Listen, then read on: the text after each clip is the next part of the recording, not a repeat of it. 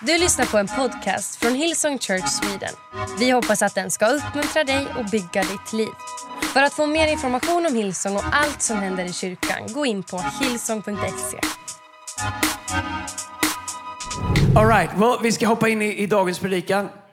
Uh, I dagens här predikan som jag inte riktigt vet hur jag ska predika, men jag gör ett försök. Okay? Jag har så mycket jag vill säga och inga punkter. Uh, jag försökte göra punkter, men jag visste inte jag skulle göra punkter av det. För det kanske är lite mer. Först tänkte jag att jag kan sätta mig på en stol och prata med er här en stund. Men jag skulle lite grann vilja dela mitt hjärta. Eh, någonting som Gud har lagt mitt hjärta. Jag delar lite med staff om det. Eh, eh, lite där vi är som kyrka, vad jag ser Gud göra i vår kyrka. Och, eh, i våra liv. När jag säger kyrka så pratar jag inte om organisation och byggnader. jag pratar om oss, det vi har tillsammans. Eh, jag var i Israel förra helgen Eh, älskar Israel och eh, vi har en kyrka där i Tel Aviv. Vi har vår första egna lokal. Eh, det kanske du tänker, det är väl grymt. Well, det är inte så himla enkelt för en kristen kyrka att hitta lokaler i Israel. Det är inte lätt att hitta lokaler överlag, men vi har vår första egna lokal som vi har hela tiden i Tel Aviv. Vi ser fram emot att öppna Jerusalem också. Vi var där, jag hade min äldsta dotter med mig. Vi tränade teamet jag predikade. Och så hade vi lite tid över så vi gjorde en uh, vi gjorde Israel på 48 timmar, det passar mig bra. Uh, hela Israel. Min dotter var trött efteråt kan jag säga, men vi hann med mycket. Come on somebody. Uh, ta ett kort, har du sett det här? Nu åker vi. vi hade en liten så här Kia Piccolo eller Picanto eller uh, vad det nu är, betyder liten. Det är nästan för alla er som har sett eh, Polisskolan, du vet Hightower när han sliter ut framsätet och sätter sig i baksätet. Det, var, det hade gått att göra. Men eh, tack gode Gud, e, enlitersmotor. Ska man upp för backarna när du ska upp till Galileen, då får, då får man rasta ur den motorn, det kan jag säga. Så den är, finns inget sot kvar i de cylindrarna när vi lämnar tillbaks den. Men det slår mig när jag är i Israel hur levande Guds ord blir. Eh, att det faktiskt går att ta på Guds ord. Kanske har du vuxit upp ända sedan söndagsskolan och hört alla berättelser. Men det fantastiska är när man är på Galileiska sjön och de har hittat exakt samma fiskebåtar som Petrus använde. Vi var ute med en liten båt, en exakt replika av Petrus och deras fiskebåtar. Och du inser att du är på Galileiska sjön där Jesus gick på vattnet. Och du kan åka till stranden där Jesus gjorde eld när Petrus kom. När du kan vara på saluprisningarnas berg och, och, och, se att här stod Jesus och i den här slänten så gjorde Jesus fisk och bröd undret. Det gör någonting med ens tro. När man är i Jerusalem och ser att det är inte så stort att där på, på Getsemane på andra sidan Gamla stan så togs Jesus till fångans och så leddes han i tunneln till Kajfas hus och så kom han till Pontus Pilatus som var den första politiskt tillsatta eh, ledaren. Innan dess hade det bara varit söner av Aron. Han var politiskt tillsatt av, av, av romarna. Och så kan du ta på det. Så Petrus lilla hus uppe i Galileen där han bodde. Eh, vet, det, hela hans hus är liksom som den här delen av scenen. Där bodde han med, med fru och barn och, och djur och svärmor.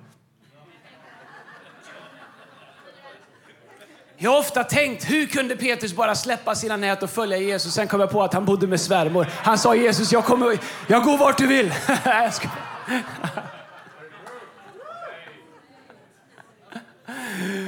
en del säger, vet du, varför Jesus, vet du varför Petrus förnekade Jesus? För att han helade hans svärmor. jag ska, ska, Okej, okay, sorry, sorry, sorry. Typ- Ooh, sorry Marie. Det står inte i Bibeln!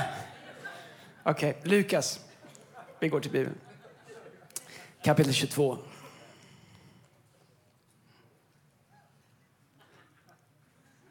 Men jag hade också släppt näten.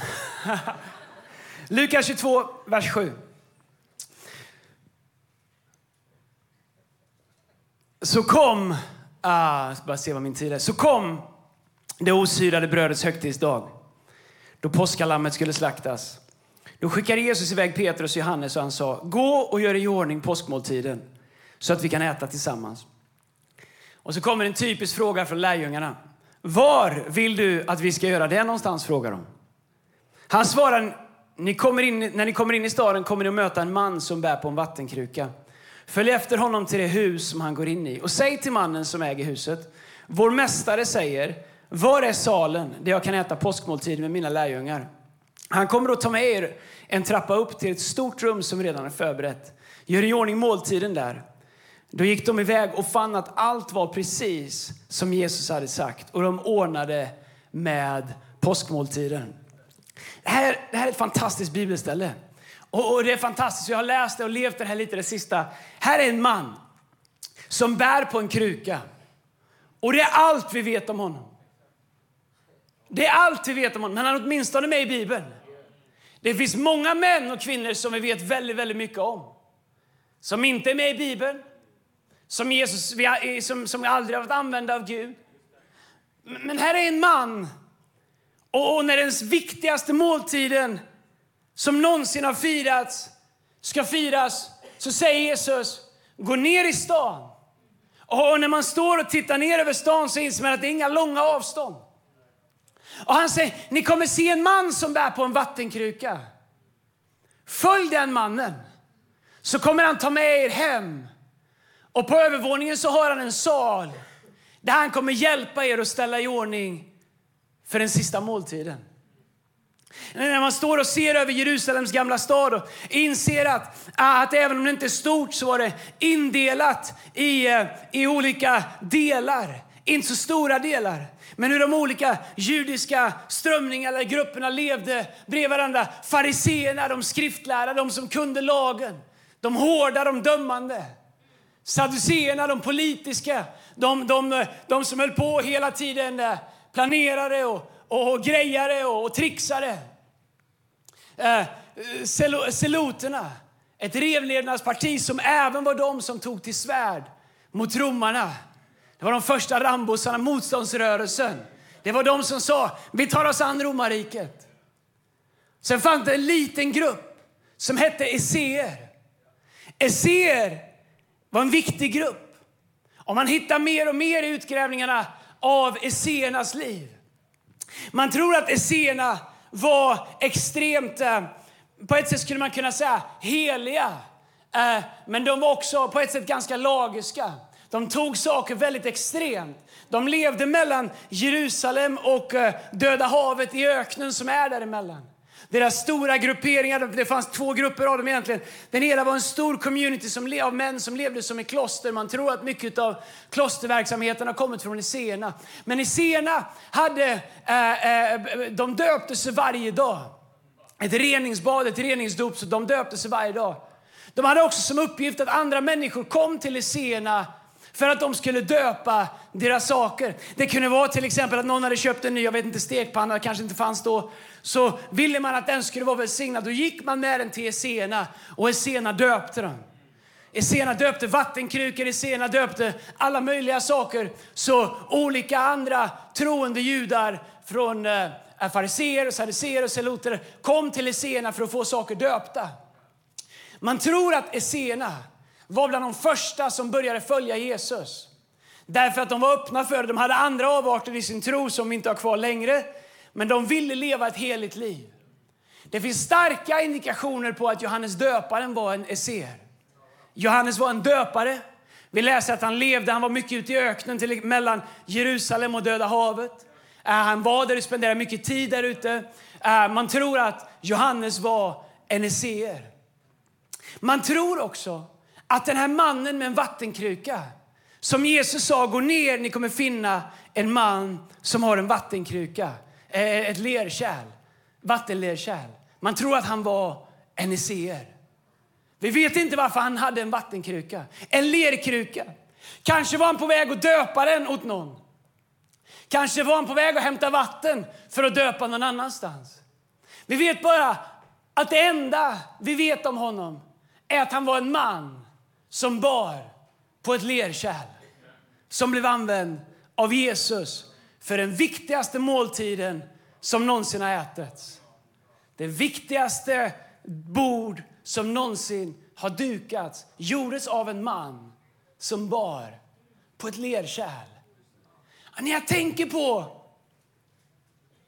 vad Jesus använder och när jag tänker på hur låg på ett sätt tröskeln är för att Gud ska använda oss. Men varför Bibeln talar så mycket om lerkärl så inser jag att Gud använder lerkärl som en bild på våra liv. Vatten är givetvis en bild på anden. I Andra Korinthierbrevet kapitel 4 så skriver Paulus uh, fantastiska, de här fantastiska orden. Andra Korinthierbrevet kapitel 4, vers 1 så står, skriver Paulus så här. Vi har denna skatt. Vilken skatt? Evangelium. Livet med Gud. Frälsningen, rättfärdiggörelse, uppdraget. Det här som är för stort för oss. Vi har denna skatt i en bräcklig lerkruka. För att den väldiga kraften ska vara från Gud och inte för oss själva. Vi har den här skatten, det här uppdraget, det här vi har fått av Gud. Vi har den här frälsningen, vi har det här förbundet, vi har det här anduppfyllelsen, vi har det här uppdraget, vi har det här allt som Gud har kallat oss till. Vi har den här skatten i en bräcklig lerkruka. Vem lägger en skatt i en bräcklig lerkruka? Vem tar något dyrbart och lägger i något som är kantstött? Och lägger, man låser in det. Man bygger en ask som matchar innehållet. Om du köper någonting fint, om du åkte till Ikea, inte för att dissa Ikea, om du åker till Ikea så är det i en pappkartong därför att det är byggt av spån. Men en skatt i ett lerkärl. Kantstött. Tilltufsat. Kanske har det varit runt, stått på olika hyllor, slått emot olika saker. Men säger Paulus, vi har den här skatten i ett bräckligt lerkärl. För att den väldiga kraften ska vara från Gud och inte för oss själva, från oss själva. Det är som att Paulus han säger, så att ni förstår att den kraft som ni har, den har inte att göra med hur bra ni är. Det har inte att göra med hur många R livet har gett. Det har inte att göra med hur kantstött din kruka är. Det har inte att göra med hur många gånger du har tappat din kruka eller andra har tappat din kruka. Utan han säger, det som är grejen är att ni är en kruka som har en skatt för att ni ska förstå att den väldiga kraften som ni har är från Gud. När jag läser det så tänker jag bara, tack gode Gud. Då kan jag också vara med. Och Det kan låta som en predikant som ska tycka synd om sig själv, men när jag ser på min kruka så matchar den inte skatten. När jag ser på det uppdrag jag uppfattar att Gud har lagt i mitt liv så ser jag att krukan som den har hamnat i, den är inte i paritet med uppdraget och skatten. Men Gud, även i vår församling, han har lagt en skatt i ett bräckligt lerkärl så att vi ska förstå att det inte är genom människas styrka eller kraft som det här sker, utan genom hans ande. Så att vi ska förstå att det är kraften ifrån Gud, skatten, uppdraget. Och när vi pratar om att vi ska be så är det så för att vi förstår att lerkärlen kanske är fina.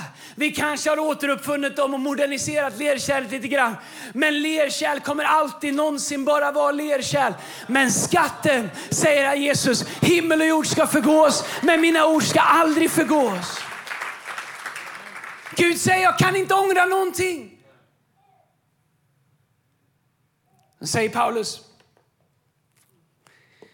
vi är hårt pressade från alla håll, men inte krossade. Vi är rådvilla, men inte desperata.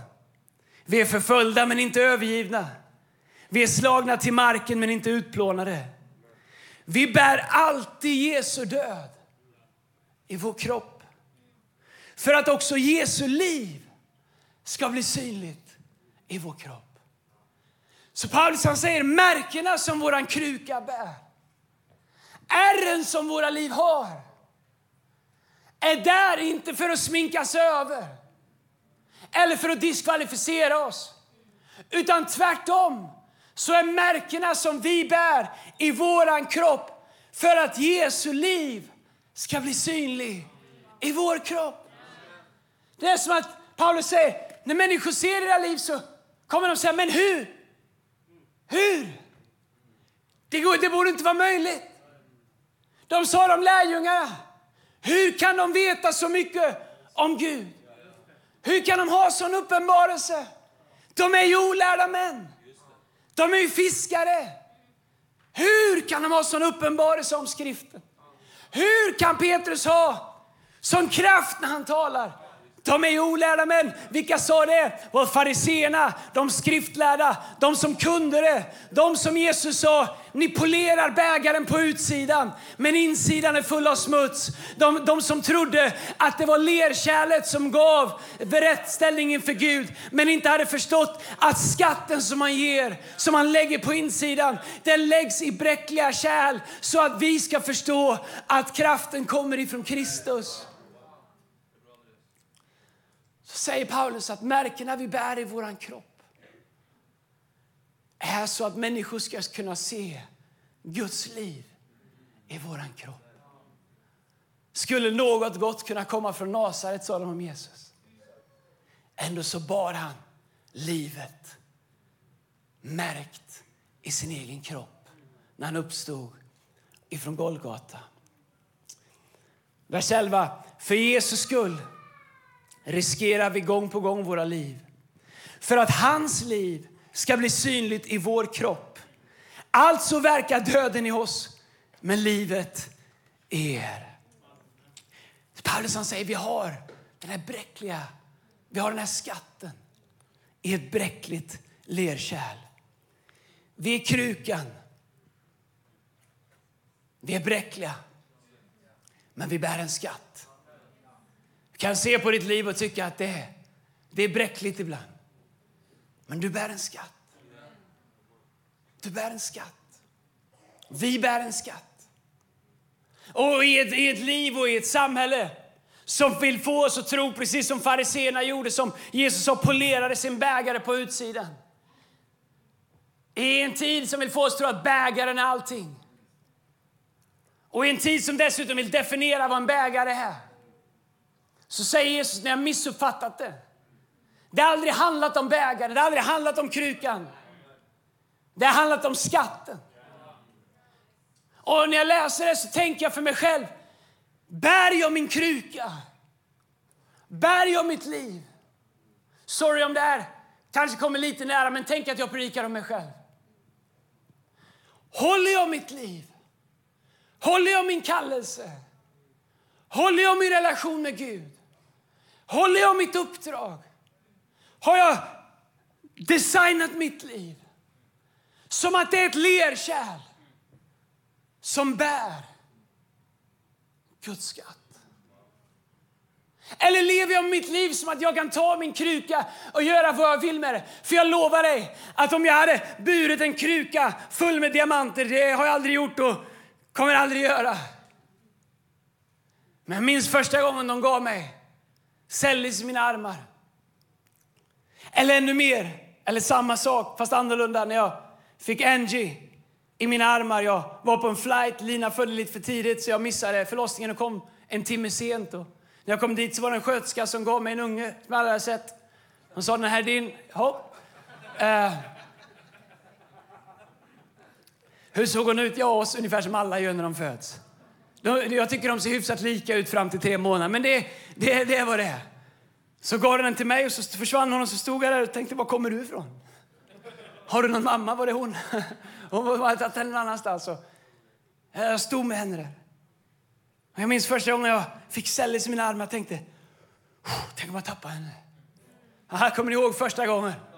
Eller innan man hade ett e- eget barn och någon gav en en unge. Man bara tänker, käre gode Gud. Eller ännu värre när man gav nummer två och nummer ett ville hålla dem och precis har lärt sig att stå upp.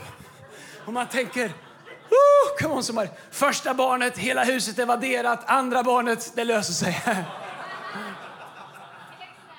Man har liksom 1177 på speedar.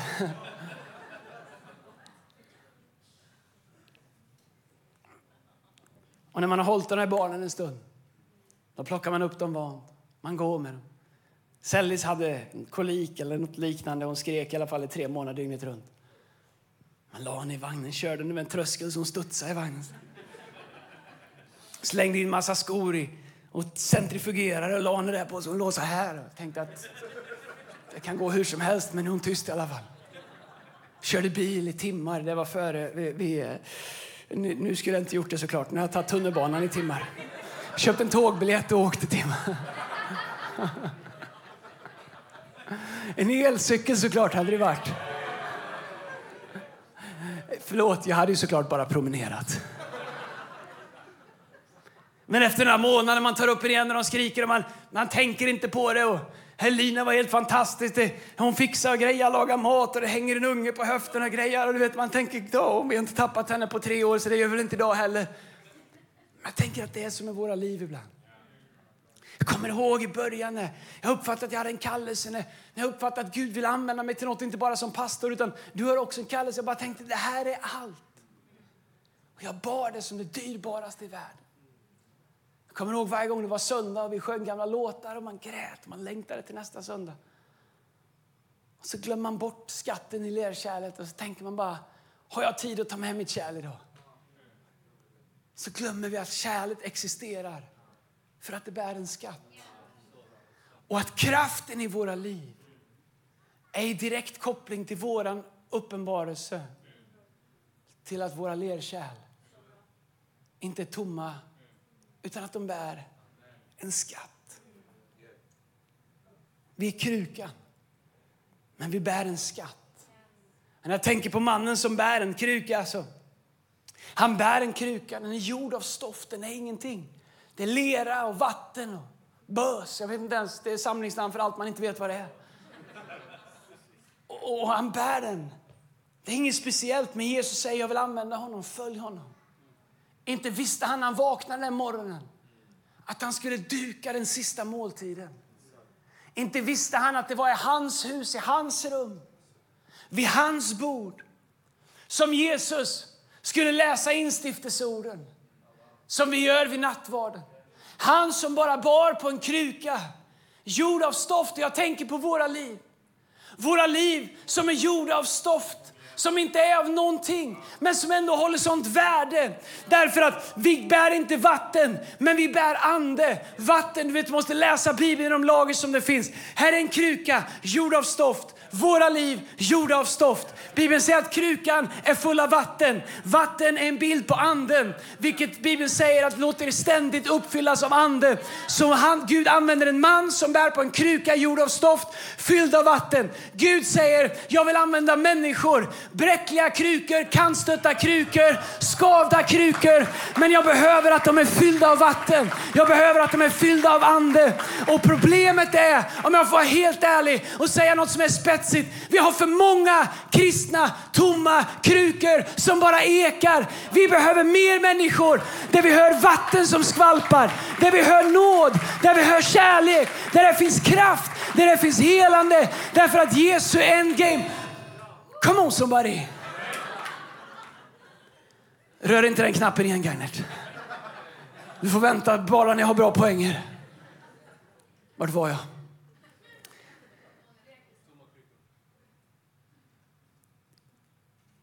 Världen hoppas att vi ska ha någonting att ge. Problemet för världen att förstå oss är när vi bara har idéer. Problemet är när vi försöker förklara kristendom på, ett, på en idébasis, på ett intellektuellt sätt.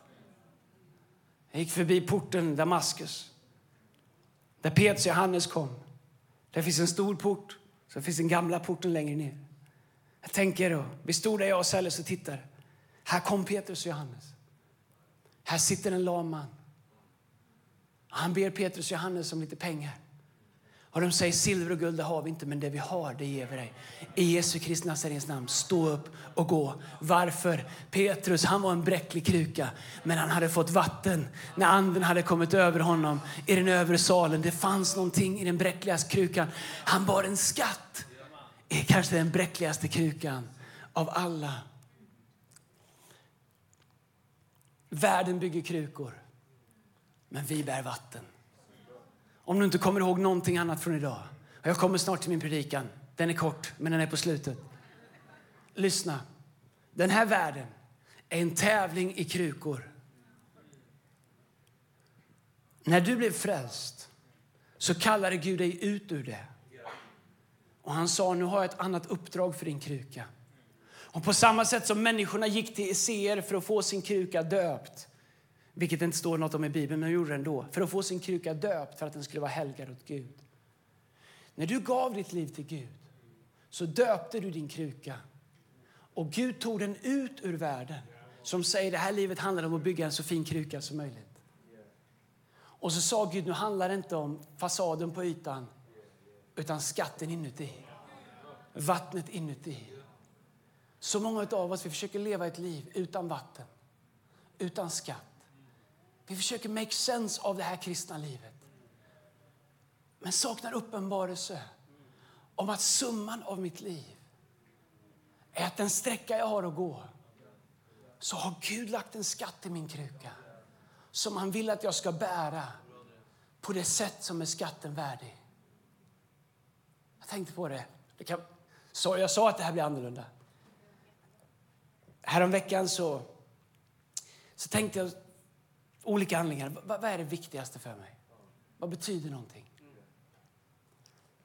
Allt som görs och sägs och hit och dit och ansvar och idéer och visioner och otillräcklighet. Allt som jag är. Och i sommar har jag funderat på vad är, vad är det viktigaste för mig? Jag har kommit fram till att det finns tre saker i mitt liv som spelar roll.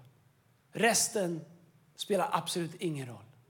Det första och viktigaste är en dag ska jag stå inför Gud. Ingen fara, det blir inte en sån, det kommer ingen fördömelse här. En dag ska jag stå inför Gud. Ja. Och jag kommer stå ensam inför Gud. Det kommer vara underbart, härligt. Jag längtar till det. Tänk att få möta Jesus. Vilken dag det ska bli sjöng vi för. Kom. Jag ska få möta Jesus. Och en dag ska vi stå inför Gud och vi får gamnacke och tänker oh, det kommer inte bli bra. Det var som man gick på mellanstadiet och de sa Andreas Nilsson till rektorsexpeditionen. Du vet så då, då, bara de sa Ande, jag hade ställt mig upp där, jag visste. Men inte en sån dag. En dag ska jag stå inför Gud. Och Gud kommer fråga mig om två saker. Två. Han kommer inte fråga varför jag tjuvrökte när jag var elva. Eller varför jag lärde Klas att svära när vi var sju. Förlåt Klas, förlåt mamma och pappa också. Det, det, det var dumt. Men, men, det är inte det han kommer prata om. Han kommer prata med om två saker. Nummer ett, vad gjorde jag med Jesus? Gud gav sin egen son till hela världens frälsning. Och Gud kommer hålla mig accountable till vad jag gjorde med hans son. Gud såg sin egen son dö på ett kors för att jag skulle vara frälst. Ty så älskar Gud den här världen att han gav sin egen son. Gud kommer titta på mig han kommer säga Andreas, vad gjorde du med min son? Jag gav dig min son, vad gjorde du? Eller hur frälsningen? Det andra han kommer fråga mig om, det är vad gjorde du med skatten jag la i ditt lerkärl? Eller talenterna jag gav i din hand? Eller uppdraget som du fick? Det är de enda två sakerna han kommer fråga om. Frälsningen, skatten. Jesus, talenterna. Ingenting annat kommer spela roll. Jag kommer inte ha Erik bredvid mig och kunna skylla på att ja, men du vet hur det är med creative-departementet. De är kreativa. Jag har försökt få in dem i Excel. Jag har försökt, men du vet så här, det, jag kommer inte kunna säga det. Jesus kommer säga, det spelar ingen roll, säger Jesus. Jag hade David, du ska veta hur det var. Jag kommer inte kunna skylla på någon, jag kommer stå där själv och svara på vad gjorde jag med Jesus och vad gjorde jag med skatten som är lagd i det här bräckliga lerkärlet. Det spelar roll. Det andra som spelar roll det är att min familj ska älska och respektera mig. Min fru och mina barn. Utifrån hur jag älskar Gud och lever mitt liv och utifrån hur jag behandlar dem. Och det tredje är att den församling jag leder, att jag har dess förtroende. Om jag har de tre sakerna, hyfsat. Om jag har de tre sakerna, det räcker för mig.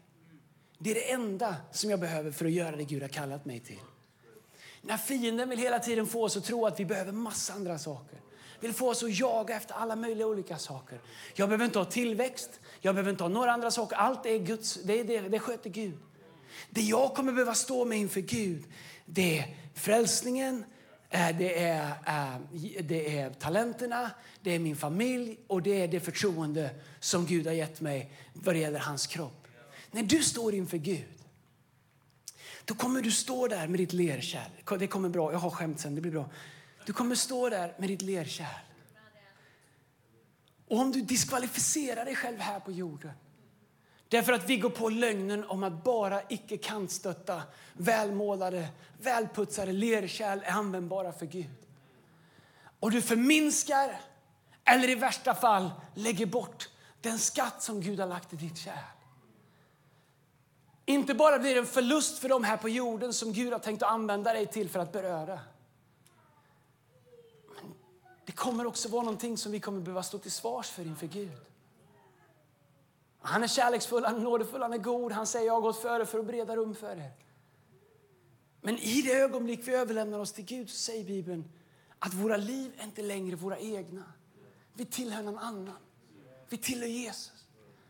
Och det är omöjligt att leva upp till och det är omöjligt att vara. Och hur ska liksom jag ens kunna göra det? Det är därför som med bibelställena är så fantastiska. Att Jesus gång på gång väljer att använda människor som inte borde användas. Att han använder lärjungar som är okvalificerade. Att han använder en åsna för att rida in på. Medan människor tyckte att han borde rida in på en vit hingst. Att han använder en man vi inte kan namnet på. Han står omnämnd en gång. Vi vet inget om honom. Han bar på en lerkruka gjord av stoft fylld med vatten. Men han han dukar den viktigaste måltiden. Det är som att evangelierna igen och igen och igen säger, se inte på det som är på utsidan. Han säger i första sångsboken, kapitel 16, vers 7, människor ser på det som är för ögonen, men Gud ser till hjärtat. Du förstår, det är skatten vi bär som är avgörande för våra liv.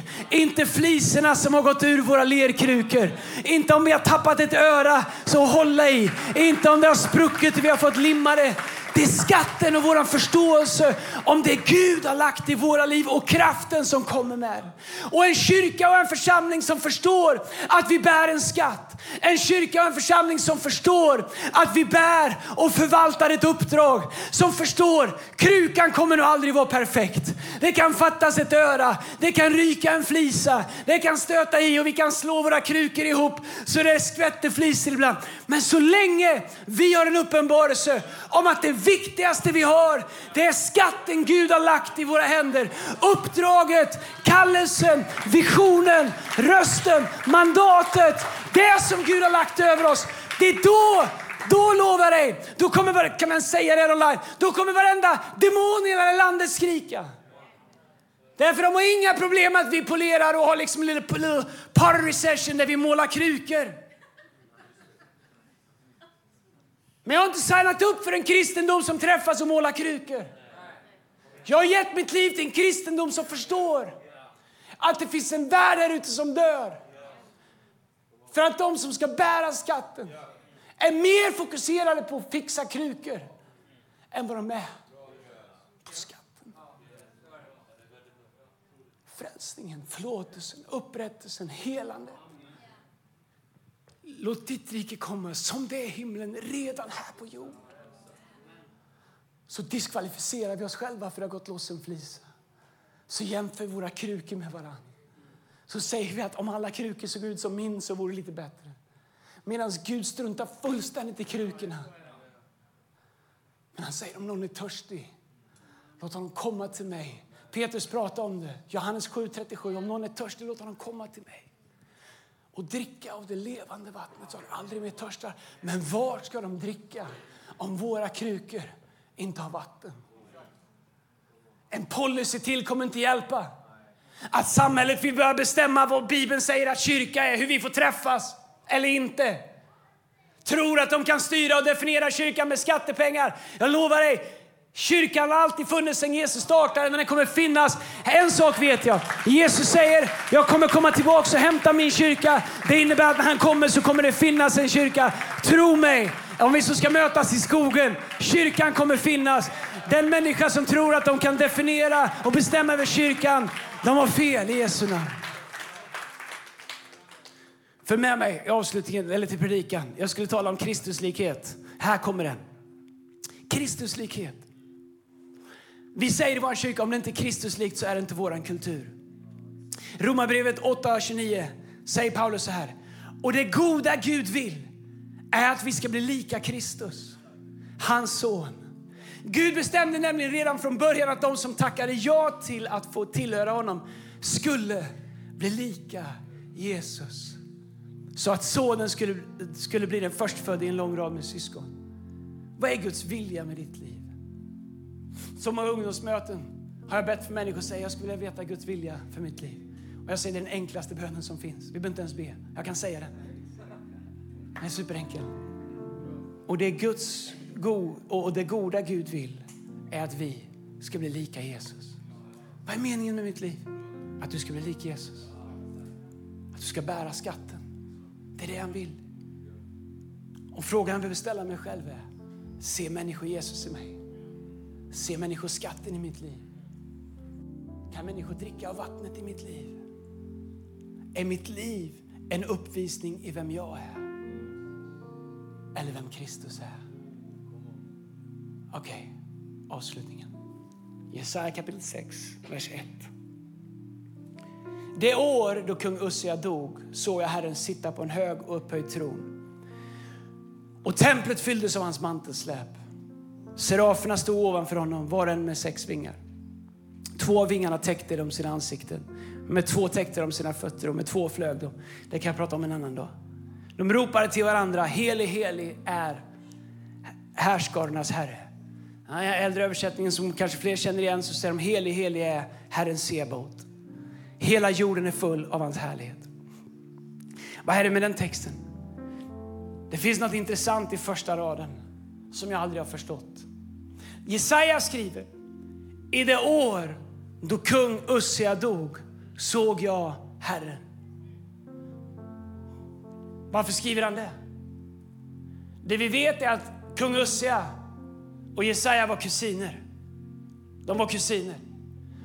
Kung Ussia är känd som högmodets gud, högmodets kung. Han var en högmodig kung. Kung Ussia som var kusin med Jesaja, han var högmodets kung. Högmodig.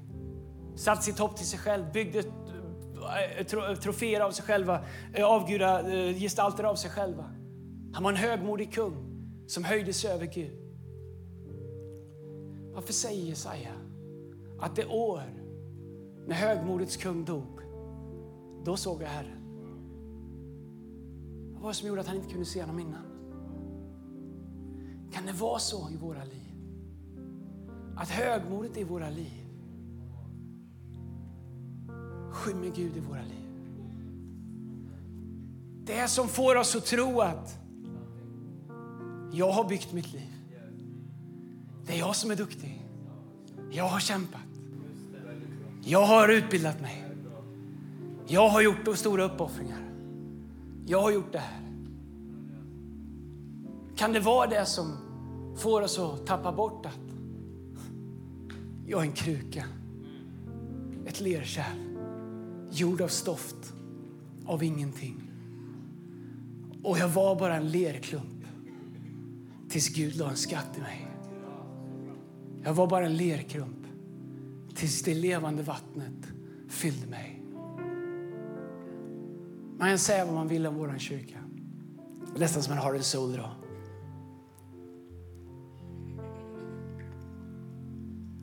Men om det är någonting jag ber så är det att vi aldrig skulle gå på myten om oss själva. Att inget skulle skymma Gud. Inte i våra liv, inte i våra gemenskaper, inte i våra visioner, inte i vårt uppdrag. Men när högmodet dör, och jag kände att jag vill säga det här, var den är i våra liv. När högmodet dör, då kommer vi se Gud. Och bönen som vi har om en dryg vecka på måndag, bön handlar inte om att övertyga Gud om någonting. Gud han vet vad han vill göra. Vi behöver inte hjälpa bekräfta Gud så att han törs göra saker och ting. Bön handlar om att vi böjer oss under Gud. Bön handlar om att vi surrender, att vi överlämnar oss till Gud. Att vi säger Gud, jag är bara ett kärl. Jag är bara, jag är bara ett tomt kärl Gud. Gud fyll mig med vad du vill. Gör vad du vill med mitt liv. Men hjälp mig att leva mitt liv som att jag bär en skatt. Människor kan försöka definiera Gud och definiera kyrkan. Man kan rösta om det hit och dit. Högmod. Vem tror vi att vi är att kunna definiera Gud? Säga vad kyrka får vara, säga hur våra möten får se ut, säga vad vi får sjunga, vad vi inte får göra, vad vi får samlas. Ussia. Men i det år kung Ussia dog såg Jesaja Herren, sitta på en tron, upphöjd. När jag läser det känner jag mitt liv, Gud. Alla områden i mitt liv där någonting hindrar mig från att se Gud. Riv det. Riv ner det. Omvänd mitt hjärta. Ta bort mitt högmod. Min präktighet, min duktighet. Jag är i alla fall inte så dålig som dem. Det går i alla fall bättre än för dem. Bla, bla, bla, bla. Alla områden i mitt liv där någonting hindrar mig att se Gud. Riv ner det. Ta bort det. För jag vill inte att en hel generation ska behöva vänta på att få se Gud. För att min generation lever med högmod. Om profeten Jesaja fick vänta på att se Gud för att kung Ussia var högmodets Gud. Hur mycket mer skulle då inte vanliga människor i nästa generation behöva vänta på att se Gud för att min generation lever med högmod av att vi klarar oss själva och inte böjer oss under Gud. Romarbrevet 4 och 7 igen. Vi har denna skatt i en bräcklig lerkruka för att den väldiga kraften som Gud har lovat ska vara från Gud och inte från oss själva. Kristus lika, en kruka bräcklig och kantstött, märkt av livet, men fylld av ande och av kraft och användbar för Jesus. Om du tar med dig någonting härifrån så hör det här. Gud vill använda dig min vän. Gud vill använda din kruka. Gud vill fylla din kruka med vatten. Gud vill fylla din kruka med en skatt. Gud vill att du ska se att värdet av ditt liv är inte vad du presterar. Värdet av ditt liv definieras av skatten som Gud har lagt i dig. Att du bär någonting så värdefullt. Du kan känna att du har förlorat på livets alla områden, men det tar inte bort någonting av värdet av den skatt som du bär. Och när du upptäcker att mitt värde inte kommer ifrån vad krukan gör eller hur många sprickor den har. Värdet av mitt liv definieras av skatten som det bär. Då inser du att Gud har användning för dig. Vi ska be. Och vi ska sjunga en sång i slutet. Man kan be låtsasteamet komma upp.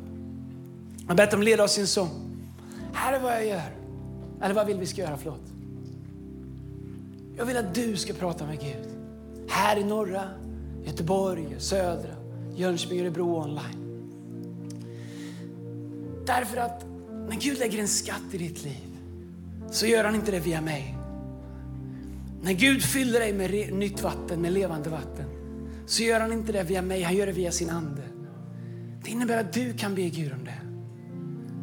Om du har saker i ditt liv som står i vägen, som kung Ussia, som du behöver ge till Gud, gör det. Säg Gud, riv ner allting som hindrar mig att se Gud. Riv ner allting, vad den är. Du vet säkert vad det är. Men kanske är du här idag och du har räknat ut dig själv. Du tänker att vem är jag? Vad har jag kvar? Och du tänker på vad livet har gjort med din kruka. Jag är här för att säga till dig, det har aldrig handlat om krukan. Det har alltid handlat om skatten. Och jag vill också säga till hela vår kyrka.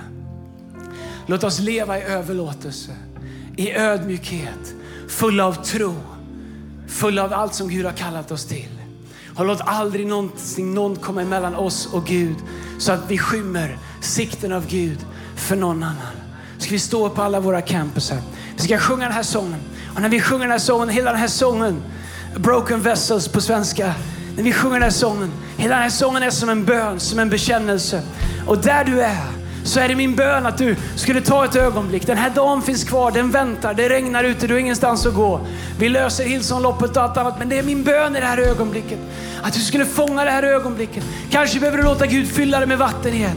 Kanske behöver du låta Gud påminna dig om den skatt som din kruka fortfarande bär. Kanske behöver du låta Gud riva ner högmodets skynke så att du inte skymmer Gud och så att du kan se Gud. Kanske behöver du bara på nytt överlämna dig till Gud och påminna dig om varför du lever. Vad är meningen med ditt liv? Att vi är här som bärare av en skatt. I don't know. Men det är min bön att när vi bekänner och ber genom den här sången att du skulle göra det mellan dig och Gud i det här ögonblicket. Varsågod. Du har lyssnat till en podcast från Hillsong Church Sweden. Om du vill veta mer om vår kyrka eller om våra söndagsmöten surfa in på hillsong.se.